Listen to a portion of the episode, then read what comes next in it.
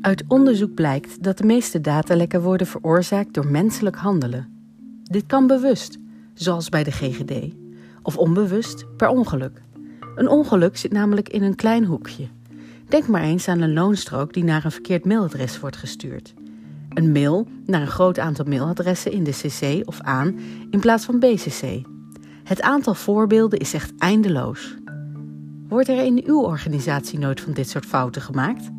En als ze gemaakt worden, wordt het dan gemeld door de desbetreffende medewerker? Naast het menselijk handelen spelen technische oorzaken natuurlijk ook een belangrijke rol bij datalekken. In samenwerking met VRF Advocaten en AVG Garant heeft bureau Cicero een AVG-special gemaakt.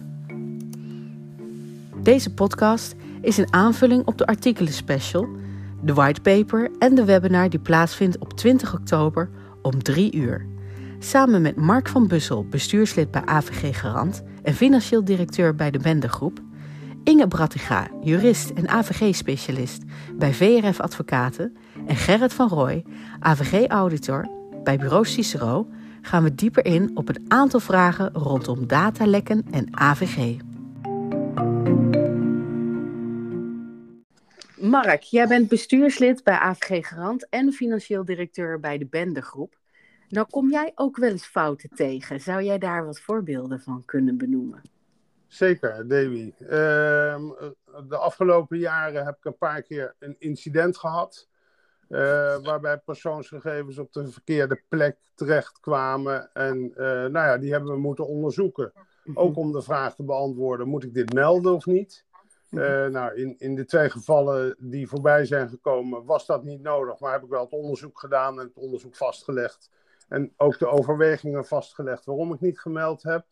In een, uh, in, een eerder leven ben ik wel eens een serieuzer probleem tegengekomen. Waarbij een, uh, per abuis een verkeerd Excel-bestand met allerlei persoonsgegevens werd verstuurd naar, naar groep uitzendkrachten. Mm ja, en dat, daar stonden gegevens op die echt nou, die niet verstuurd konden worden. Dus ik heb daar wel echt alle acties moeten ondernemen, alle betrokkenen aangeschreven, uh, corrigerende acties uitgevoerd uh, en uiteindelijk ook gemeld, alles zorgvuldig vastgelegd. Okay. Uh, en dat is dan toch wel een dingetje.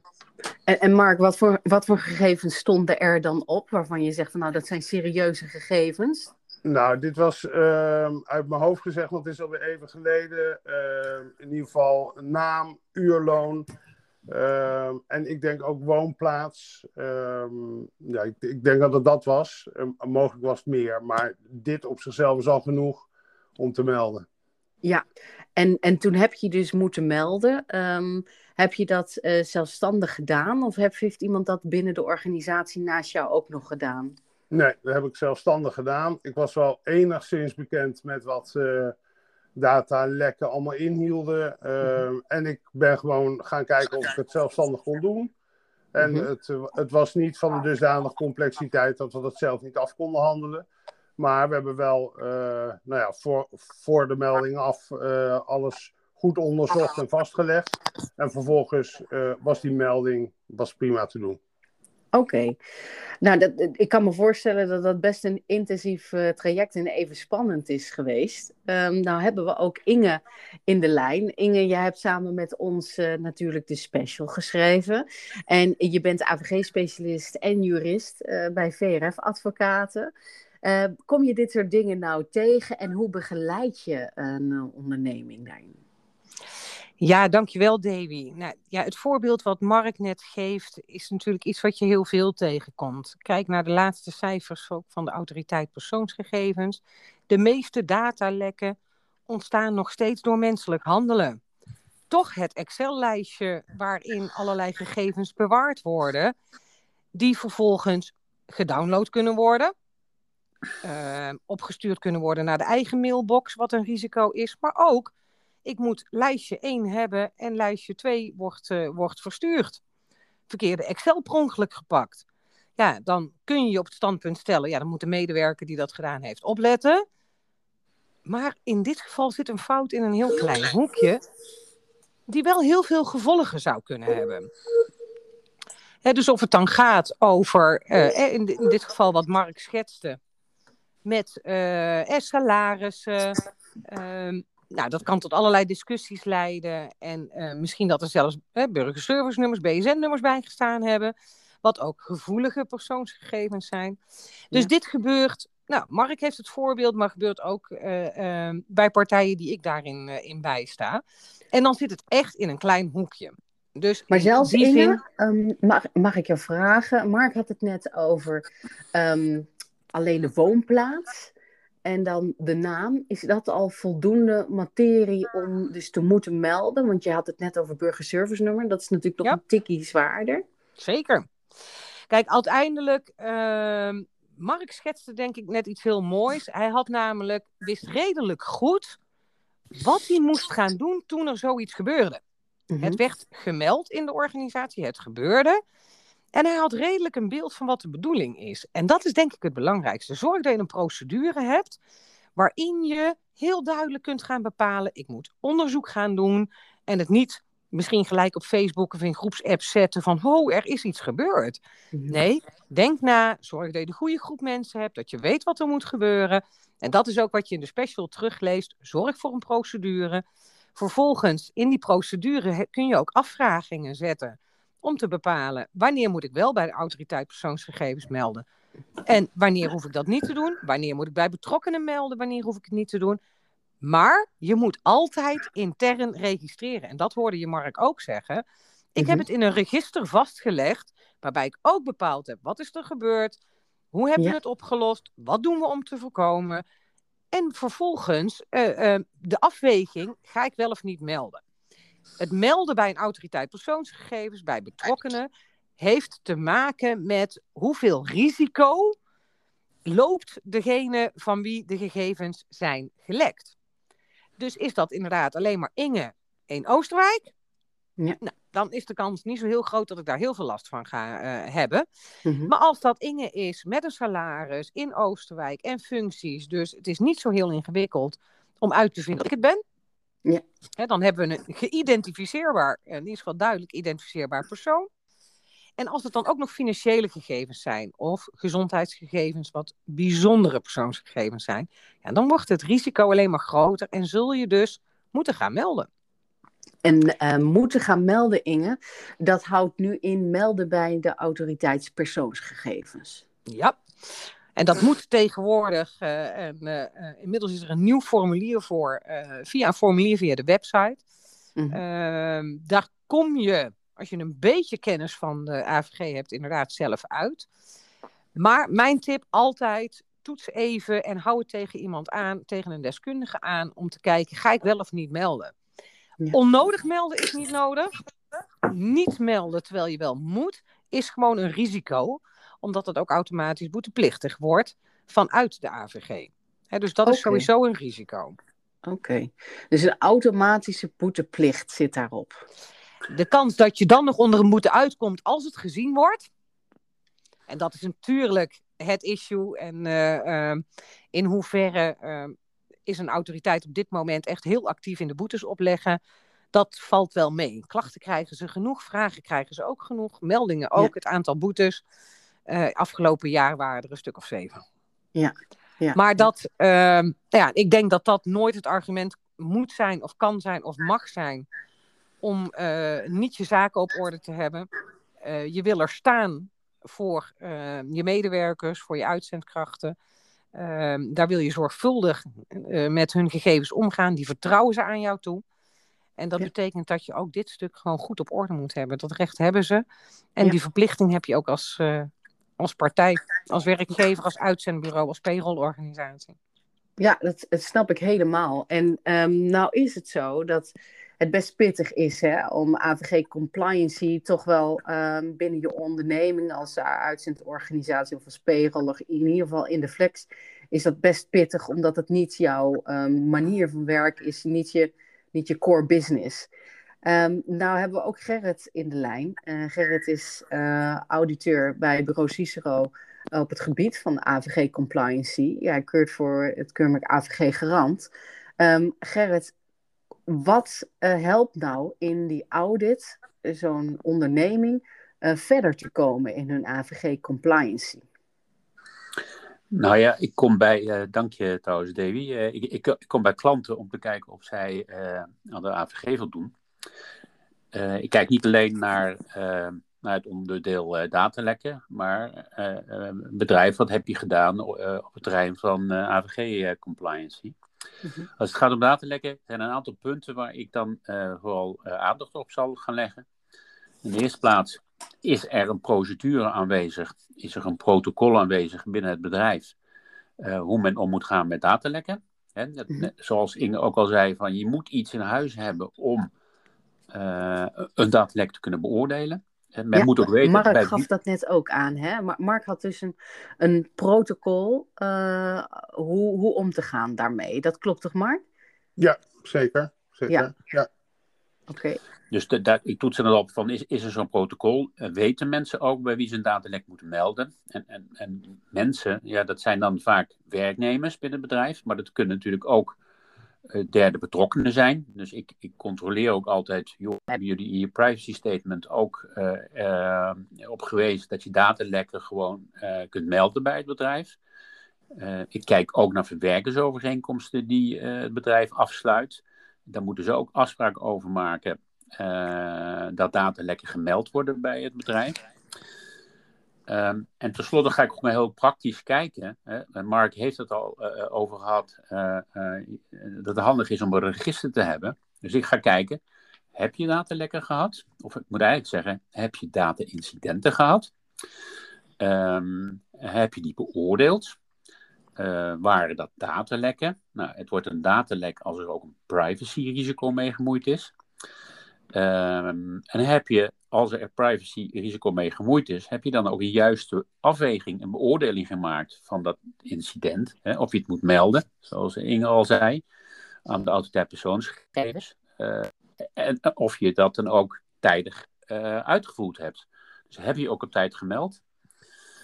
Um, een ander punt waar ik eigenlijk veel liever naar kijk, is van hoe heeft een bedrijf uh, zijn beveiliging ingericht? Uh, wat heeft hij gedaan om eigenlijk ook dit soort dingen te voorkomen? Hè? Uh, nou ja, dat is wel een hele goede, Gerrit. Ik ben wel heel erg benieuwd ook. Want net zoals Inge al aangaf, um, datalekken zijn vaak een uh, uitkomst van menselijk handelen, hè, wat er aan de grondslag ligt. Mm. En um, hoe kun je dat nou voorkomen? Dat is een goede vraag. Nou, je kunt het nooit helemaal voorkomen, maar het belangrijkste is, uh, de meeste lekken, heb ik net gehoord, uh, zijn uh, ontstaan door menselijke fouten. Dus je moet mensen opleiden. Je moet mensen er bewust van maken van, wees altijd zorgvuldig als je werkt met persoongegevens. Het zijn niet jouw gegevens, maar de gegevens van jouw klanten. Dus ga daar heel voorzichtig mee om. Hè. Dus het is belangrijk om aan awareness te werken bij je medewerkers. Twee, moet je een heel goed begrip hebben van je systemen. Hè, wat voor systemen, uh, waar maak ik gebruik van? Welke risico's loop ik als ik op die systemen uh, persoonsgegevens verwerk? Ja, ik zeg altijd tegen de klanten waar ik langskom van, joh, wees toch vooral voorzichtig met het mailen. Want ik zie nog heel veel dat bedrijven gegevens, persoonsgegevens, uh, bestanden met persoonsgegevens gewoon mailen, gewoon plat mhm. mailen. Ja. Um, en dan zeg ik, denk er eens over na of dat wel, uh, of, of, dat wel veilig genoeg is. Uh, ja. Er zijn beveiligde uh, e-mail-applicaties te bedenken. Je kunt werken met wachtwoorden op e-mail. Um, maar bij uitzendbureaus zie ik nou ja, als voorbeeld ook dat er heel vaak loonspecificaties nog gemaild worden.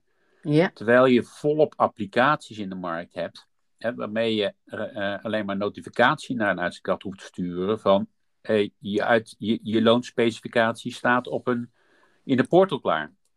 Ja, dus, dus eigenlijk um, uh, kort samenvattend Gerrit, nooit Exceltjes via de mail gaan versturen. Te groot risico. Zorg nou, ervoor dat, dat, je iets regelt. Davy, als er geen persoonsgegevens staan, uh, mag je van mij mailen wat je wilt.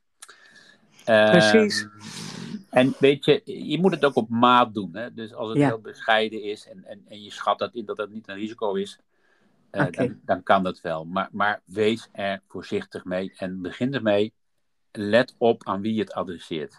En, en Inge, die, klinkt, die knikt heel erg instemmend. Die wil ook graag. Nou, en het, is, het, het gaat erom, of het nou een Excel is of iets anders. Uh, persoonsgegevens via de mail versturen onbeveiligd is een onverstandige keuze. Er zijn zoveel alternatieven. Uh, en maak goede keuzes, ook qua systemen. Uh, zorg dat dingen bijvoorbeeld onmogelijk zijn. Kijk naar een GGD, waar het zo makkelijk was om gegevens te downloaden. Zorg dat je ook dat oplost. Dus er zit een menselijke kant aan, daar zit een technische kant aan. De, de awareness, waar Gerrit het over had, en een technische aspect. Vooral die awareness, dat is wel een goede tip, uh, Gerrit. Uh, ik wil me eventjes naar Mark terugbrengen. Want uh, Mark kwam natuurlijk met het voorbeeld. Hè? Um, je zult in, um, in, in de afgelopen jaren natuurlijk wel veel ervaren hebben, ook binnen organisaties qua AVG compliance awareness. Hoe, hoe, hoe ben je daarmee omgegaan? Nou, zonder dat ik uh, de illusie heb dat ik uh, van links naar rechts er alles van weet, zijn er wel een paar, een paar startpunten. Onder andere, het is een hele belangrijke, ervoor zorgen dat persoonsgegevens niet beschikbaar zijn voor die mensen die niet strikt noodzakelijk toegang hebben tot die gegevens. Als je ervoor zorgt dat de boel gewoon dicht zit, behoudens daar waar het echt nodig is, dan heb je daar al heel veel risico's mee uitgesloten. Uh, en, en, een tweede is, maar dat zit meer in de hoek van uh, voorkomen dat er USB-stickjes met data en, en, laptops in trein blijven liggen. Zorg dat je de gegevens die op gegevensdrager staan, dat die encrypted zijn, dat je programma's twee-factor authenticatie hebben. Dat zijn een aantal maatregelen die je toch betrekkelijk eenvoudig kunt doorvoeren. Ja, het moet wel gebeuren. Ja. Maar dat, uh, dat zijn niet zulke complexe dingen. En, en daar, uh, nou, dat zijn gewoon effectieve maatregelen waarmee je heel veel risico's in één keer uitsluit. Dat zijn goede tips, uh, Mark. Gerrit, jij wou ook nog even aansluiten op de tips en tricks?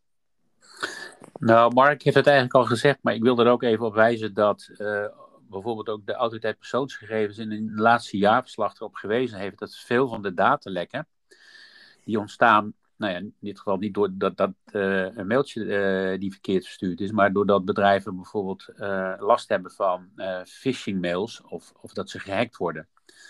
Volgens mij in 5% van de gevallen is dat aan de orde. 5% van de datalekken. En de autoriteit persoonsgegevens heeft nou ja, zeg maar berekend dat de meeste van die datalekken voorkomen hadden kunnen worden als bedrijven gewoon slim gebruik hadden gemaakt van een tweede factor toegangsbeveiliging.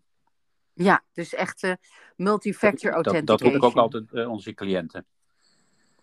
Dat is wel een hele mooie. Ik, ik denk dat we nog wel meer casussen kunnen gaan bespreken en heel wat meer tips en tricks uh, hebben voor onze luisteraars.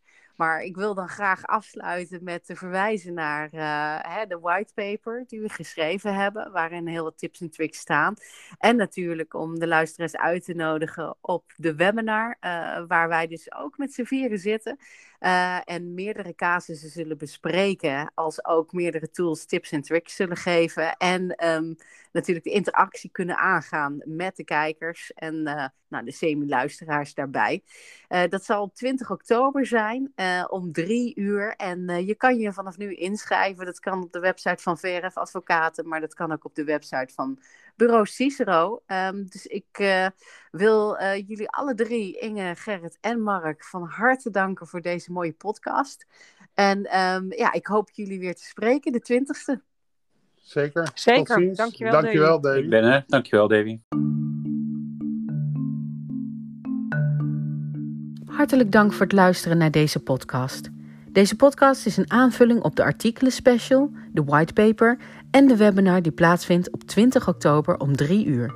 Schrijf u nu in op cicero.nl.